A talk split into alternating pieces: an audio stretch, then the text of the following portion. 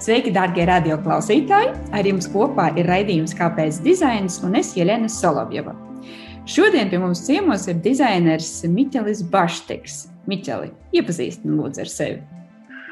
Ikdienā Es, es strādāju ar dizainu un zīmolu veidošanu. Jo, ja mēs šķirstam dizaina vēstures lapas puses Latvijā, tad zinām, ka grafikas dizainam no iepakojuma līdz plakātu mākslā ir bijusi gana liela nozīme. Vai ne? Paralēli industriālajiem dizainam, kas ir bijuši nozīmīgākie pavērsiena punkti, ja tā var sacīt, Latvijas grafikas dizaina vēsturē, gan arī kas ir vecmeistari vai arī laika biedri, kas tevi paši personīgi savulaik vai joprojām šobrīd iedvesmo lielākie, nozīmīgākie punkti ir tie, kur arī ir visplašāk sabiedrībā pamanīti un redzami. Tas nav tāds mākslas dizains, bet kas ir tāds populāri redzams un pielietojams, kur varbūt ne, nesauc tādā augstā dizaina vārdā, bet vienkārši tāds ikdienas ir tās lietas, ko mēs esam, nezinu, naudas zīmes, kas mums visiem ir bijuši tūs, ko mēs esam katrs lietojuši. Varbūt mēs viņus neuztveram kā dizainu, bet īstenībā tas ir dizains. Katra pieslatnieka banknota bija dizains, ko mēs zinājām, un tas ietekmēja mūsu kaut kādu izpratni. Un tas vēl vairāk pastiprināja tos kultūras kodus, ko mēs uztveram ar vērtību. Kapitālismam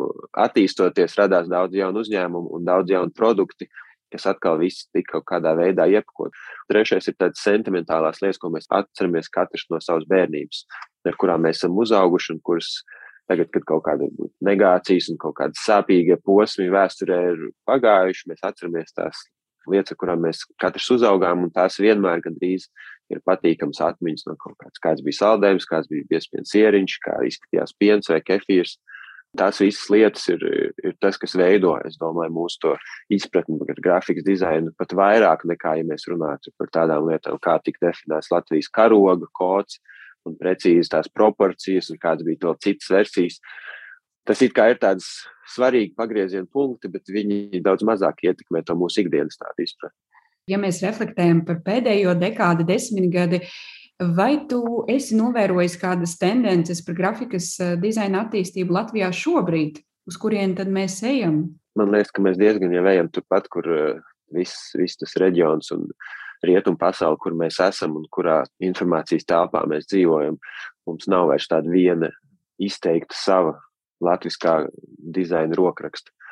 Mēs, protams, vienkārši pieslēdzamies tām lielajām straumēm, kuras mums apkārt ir. Kaut kas tur ir no skandināvu minimālismu, kaut kas ir no slāviskās, tā dekoratīvismu klāt, un tad mēs tur pa vidu kaut kā tā bežzējamies starp to tīrību un to dekoratīvismu pa vidu.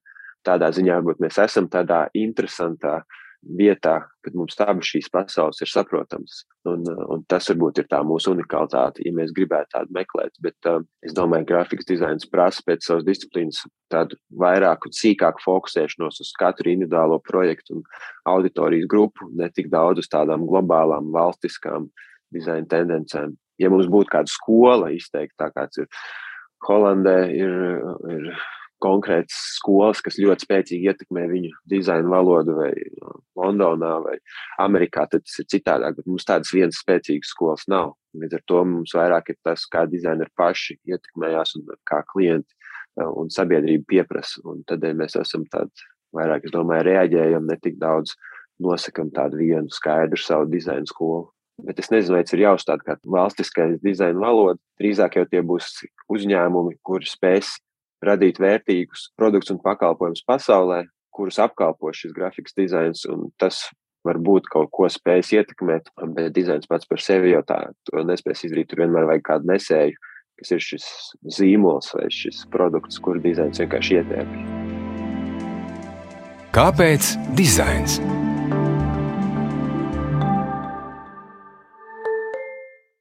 Un, ja mēs runājam par taviem darbiem vai asketika darbiem, kas ir tevis paveiktais vai asketika paveiktais, ar ko tu patiesi lepojies? Nu, vienmēr jau ir grūti tā izcelt vienu vai otru, jo esi iekšā tajā, ko tu šobrīd dari, un viss, kas ir aizgājis, tur jau arī vienkārši noliec plauktā un strādā tālāk. Bet uh, viens, kas nāk prātā, droši vien bija Latvijas rādio, vizuālās tādas valodas un sistēmas izstrādes, kas bija uz 90 gadu jubileju, tad, kad Latvijas rādio kā tāds izteikts audio zīmols saprata, ka šis laiks prasa arī vizuāli sakārtoties un izveidot sistēmu. Ar to bija ļoti patīkami strādāt, ir no tāda personīgā un cilvēciskā aspekta, un arī tas rezultāts bija lai arī grafiski vienkārši, un tas nav kaut kas, ar ko tu vari vinnēt konkursos, bet bija patīkami strādāt ar tādu zīmolu, kuram ir 90 gadi, kuram ir liela uzticība no sabiedrības, un kur katrs šīs lietas ir jādara niansēti, vienkārši, bet ļoti pārdomāti. Tas, tas bija tāds patīkams projekts.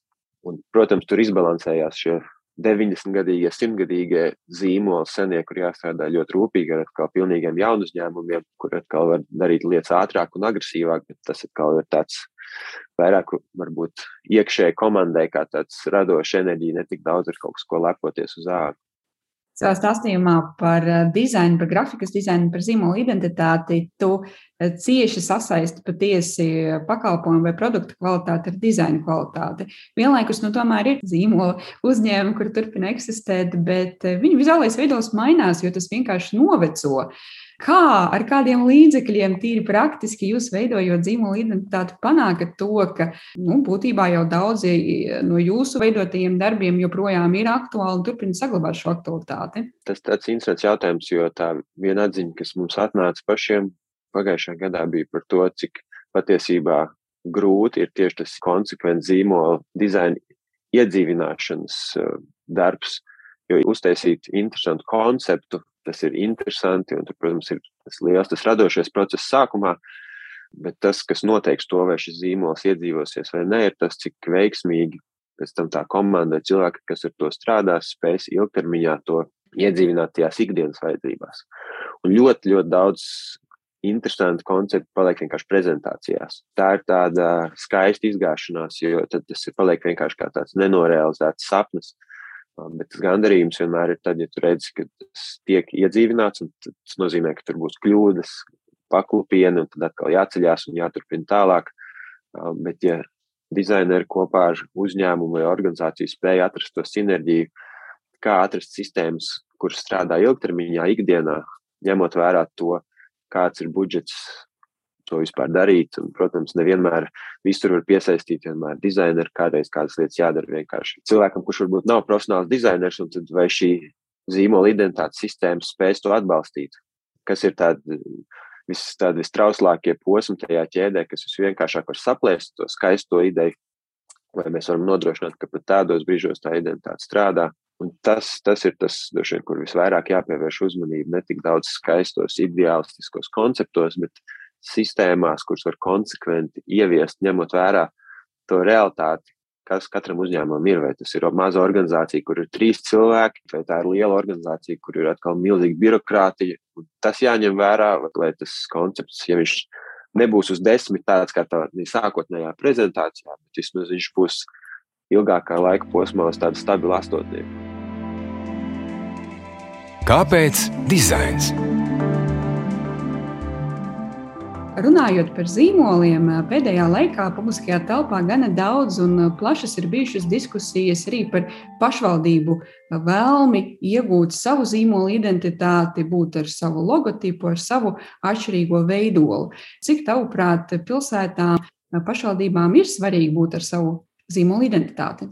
No dizaineru skatu punkta darbs ar pašvaldībām ir visnepateicīgākā disciplīna. Tu vienmēr simtprocentīgi dabūsi pamatīgi pa ausīm jo tas ir ļoti, pirmkārt, politisks process, otrs, ka tur ir milzīgi plašs spektrs ar dažādām auditorijas grupām, kuras nav iespējams visas savilkt zem viena, pat lai cik labi un ar kādiem nodomiem to censtos. Un vienmēr būs kāds, kurš sāpīgi uztvers to, kas tas būs jebkurā gadījumā. Un tas vainīgais vienmēr būs tas dizainers, lai arī cik viņš to ļoti ir centies un cik viņš ir profesionāls. Uh, Tā kā tur ir vienmēr jāpadomā, vai tu gribi līst tajā alā iekšā.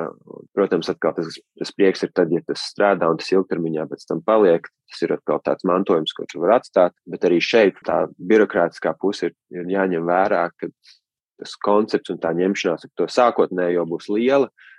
Bet tas, eh, vai tas būs veiksmīgi vai nē, īstenībā to noteiks pāris cilvēki, kuriem pēc tam būs nākamos 5 vai 7 gadus jāstrādā ikdienā ar to identitāti, ka viņi būs jāievieš uz svētkiem, uz karogiem, uz skateparkos un, un visur, kur tas viss parādīsies. Un cik viņiem būs interesi un spēja un izpratne to vispār aiznest tālāk. Jo realitāte jau ir tāda, ka pilsēta pēc tam nespēs to sākotnēji dizaina komandu piesaistīt uz visiem tiem jautājumiem tas ir tas droši vien sāpīgākais, ka tas koncepts varbūt ir labs, bet pēc tam, cik viņu reāli var iedzīvināt. Un, un vai tas ir vairāk vienkārši kā tāda politiska izkārtne, redz, kur mēs tagad uztaisām jaunu logotipu pilsētai, bet patiesībā tas, ko mēs gribētu, sevišķi runājot par pilsētu, ir atrast konsekventu vizuālās valodas sistēmu. Visbiežākā kļūda, ko mēs redzam pilsētās, kad vienās lieldienu apsveikumos pa plakātu ir kaut kāds popārta ilustrācijas salikts, pēc tam uz līgo svētkiem ir kaut kāds ūdens krāsu ilustrācijas, pēc tam uz rudens svētkiem atkal kaut kādas fotogrāfijas, un tad Ziemassvētkos ir vēl kaut kas, un principā uz katru komunikācijas materiālu ir pilnīgi cita vizuālā stilistika. Tur ne tikai lēkā par grafiskā stilistiku, bet par laikmetiem un Un vispār nav tāds tā viena izpratne, par ko mūsu pilsēta iestājas. Tur vienkārši ir, ka mums vajag lieldienās vajag zaķīšus, un tad vajag ozolaps, un tad vajag rudenī oranžu. Un mēs vienkārši svaidamies tā pa tādu stilistisku, vizuālās valodas kaut kādu biblioteku un vienkārši ņemam to, kas katram tajā brīdī patīk, kas būtu vajadzīgs patiesībā pilsētai, ilgtermiņā, ka viņai ir viena stratēģija, kad nākamo posmu mēs vēlamies būt vai nu tradicionāla pilsēta, vai ļoti laikmetīga, vai mēs izcelsim mākslinieks, kas ir mūsu pilsētā, vai tur ir kaut kāda viena izpratne par tādu ilgtermiņa redzējumu, kur mēs iesim. Nevis mēs lēkājam no katra ceturkšņa uz ceturkšņu par laikmetiem un stiliem un māksliniekiem. Cilvēks, kurš atbrauc, vai cilvēks, kurš šeit dzīvo, viņš zina, ka viņš pēc trīs gadiem atkal kaut kāda būs pēctecība tam, ko, ko viņš redz tīri no tādas vizuālās estētikas koda, un to ir ļoti grūti izdarīt. Un tas ir tas, ko vajadzētu Bet tas ir tāds melnais darbs, kurš ļoti reti tiek darīts. Klausoties par zeķīšiem, lieldienām un plakātiem, man nevilšas uh, ienāca prātā doma jautājums, ko es nebiju paredzējis. Jautāt uh, par uh, Rīgas pilsētvidas eksperimentiem un uh, komunikāciju un ažiotāžu, ko izraisa uh, svētku apsveikumu un plakāti.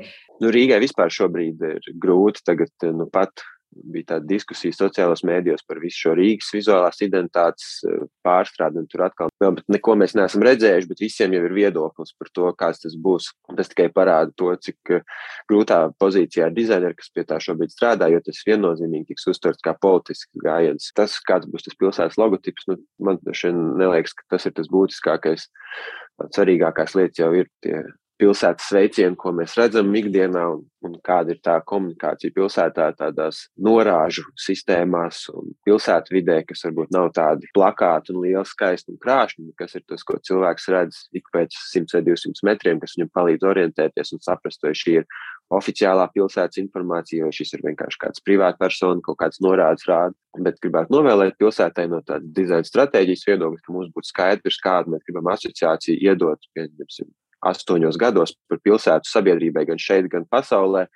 Pieņemsim, ja mēs gribam parādīt, cik mums bija labi mākslinieki pēdējos simts gados, un tad mēs ceļam ārā tur Jūliju Madernieku un Āns Cīru, un tad dodam jauniem māksliniekiem viņus interpretēt vai viņu darbus liekam, un, un tad mēs gribam uzbūvēt astoņos gados zīmolu, jeb asociāciju par pilsētu, ka mums ir bagāta grafiskā, vizuālās valodas vēsturi. Tas, piemēram, ir viens risinājums. Otrs, mēs varam teikt, mums ir ļoti spēcīga jauno ilustrātoru paudze, un lai tur ir eksperimentāli un krāšņi un pretrunīgi, bet tad mēs gribam astoņos gados radīt zīmolu, jeb asociāciju par Rīgu, kas ir ļoti svaiga un, un laikmetīga. Bet tā problēma ir tā, ka mēs lēkājam no viena uz otru, un beigās pēc astoņiem gadiem mēs esam turpat, kur mēs esam šobrīd, mēs neesam sopu solim izveidojuši nekādu zīmolu par šo savu vizuālo valodu. Tas ir tas, ko gribētos, bet es eh, neredzu nevienu indikāciju, ka tas kaut kādā veidā notiktu vai varētu notikt šobrīd. Vienīgi, ja to dara kaut kāds tas, tas angliskais vārds, tāds grassroots iniciatīvas, kurš pamazām vienkārši no sabiedrības līmenī to veido,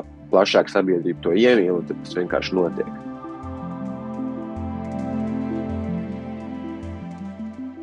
Nu, ko lai saka, varbūt mums vēl uz pāris dizaina grāmatiem ir jāuzkāpj, pāris velo joslas vēl ir jāpārkrāso, lai pamazām arī mācītos no saviem eksperimentiem. Bet noslēgumā, Miķelis, vēl gribēju pavaicāt tavas domas eh, par grafikas dizaina nākotni. Kādu tu to saredzi? Gan kontekstā ar jaunajām tehnoloģijām, rīkiem, kas ienāk teju katru dienu vai ne mūsu dzīvē, kā tas ietekmē dizainera darbu un kā tas ietekmē arī dizaina lietotāju ikdienu man liekas, tādā vienkāršajā līmenī. Tie instrumenti, kas ir pieejami, ļoti demokratizē to, ka daudz cilvēku, kas nav dizaineri, bet viņi līdzīgi kā tika demokratizēta fotografija, kad bija atsevišķi fotografu grupa, un tagad mēs katrs varam nofotografēt gana labas bildes. Tas pāris gados ļoti paaugstināja mūsu izpratni kā sabiedrībai par fotografijas kvalitāti. Tas pats arī droši vien notiks ar grafikas dizainu, kad tie instrumenti daudz cilvēks, kas nav ne grafikas dizaineri, ne mākslinieki, viņi veidos maketus un materiālus un sapratīs, kā savu Instagram bildi vai Facebook vai vienalga, kas viņam jātaisa, būs spiest taisīt, un būs instrumenti, kas viņam to palīdzēs, un viņš pamazām izpratīs, kā šīs lietas strādā, kā fontus, krāsas, attiecības, proporcijas un vispārējo. Tas, es domāju, ir tikai labi, un tas uh, demokratizēs un radīs tādu kopējo izpratni sabiedrībai pacels. Tādā tālākā nākotnē mēs runājam, nezinu, mašīnu mācīšanos un, un mākslīgā intelekta vispār nu, tā pasapņojam, ko es ceru un ko es gaidu, ka tās lietas, ko šobrīd dara dizaineri manuāli, ka viņi tādu empātisko vērošanu par sabiedrību, par auditoriju dara vienkārši konstanti lasot, klausoties un vērojot, ka tev būs kāds palīgs digitāls, tu pateiksi, man interesē tur Argentīnas, piemēram, šādas kaut kādas Argentīnas sieviešu vecumā vai demogrāfiskā, psihogrāfiskā profila šī brīža stāvoklis, un tev viņi pateiks, vai viņām šobrīd viņas ilgojās pēc minimālisma, vai viņām prasās krāšņi, koši un skaļi. Un kad būs šie rīki, kas ir nevis tendenci kaut kādi PDF, kas man vienkārši saka, ka šobrīd tādas ir tendences, bet ka tu varēsi reālā laikā redzēt dažādas ļoti specifiskas grupas. Un tad tu kā dizainers varēsi daudz jau savus lēmumus izdarīt un likt tos maketus un tās idejas kopā uz daudz spēcīgākas bāzes, saprotot, kas ir tā autori, ar ko tu runā, kas viņiem ir svarīgs. Un tas nebūs tikai intuitīvs, bet tā intuīcija būs arī atbalstīta ar konkrētiem datiem.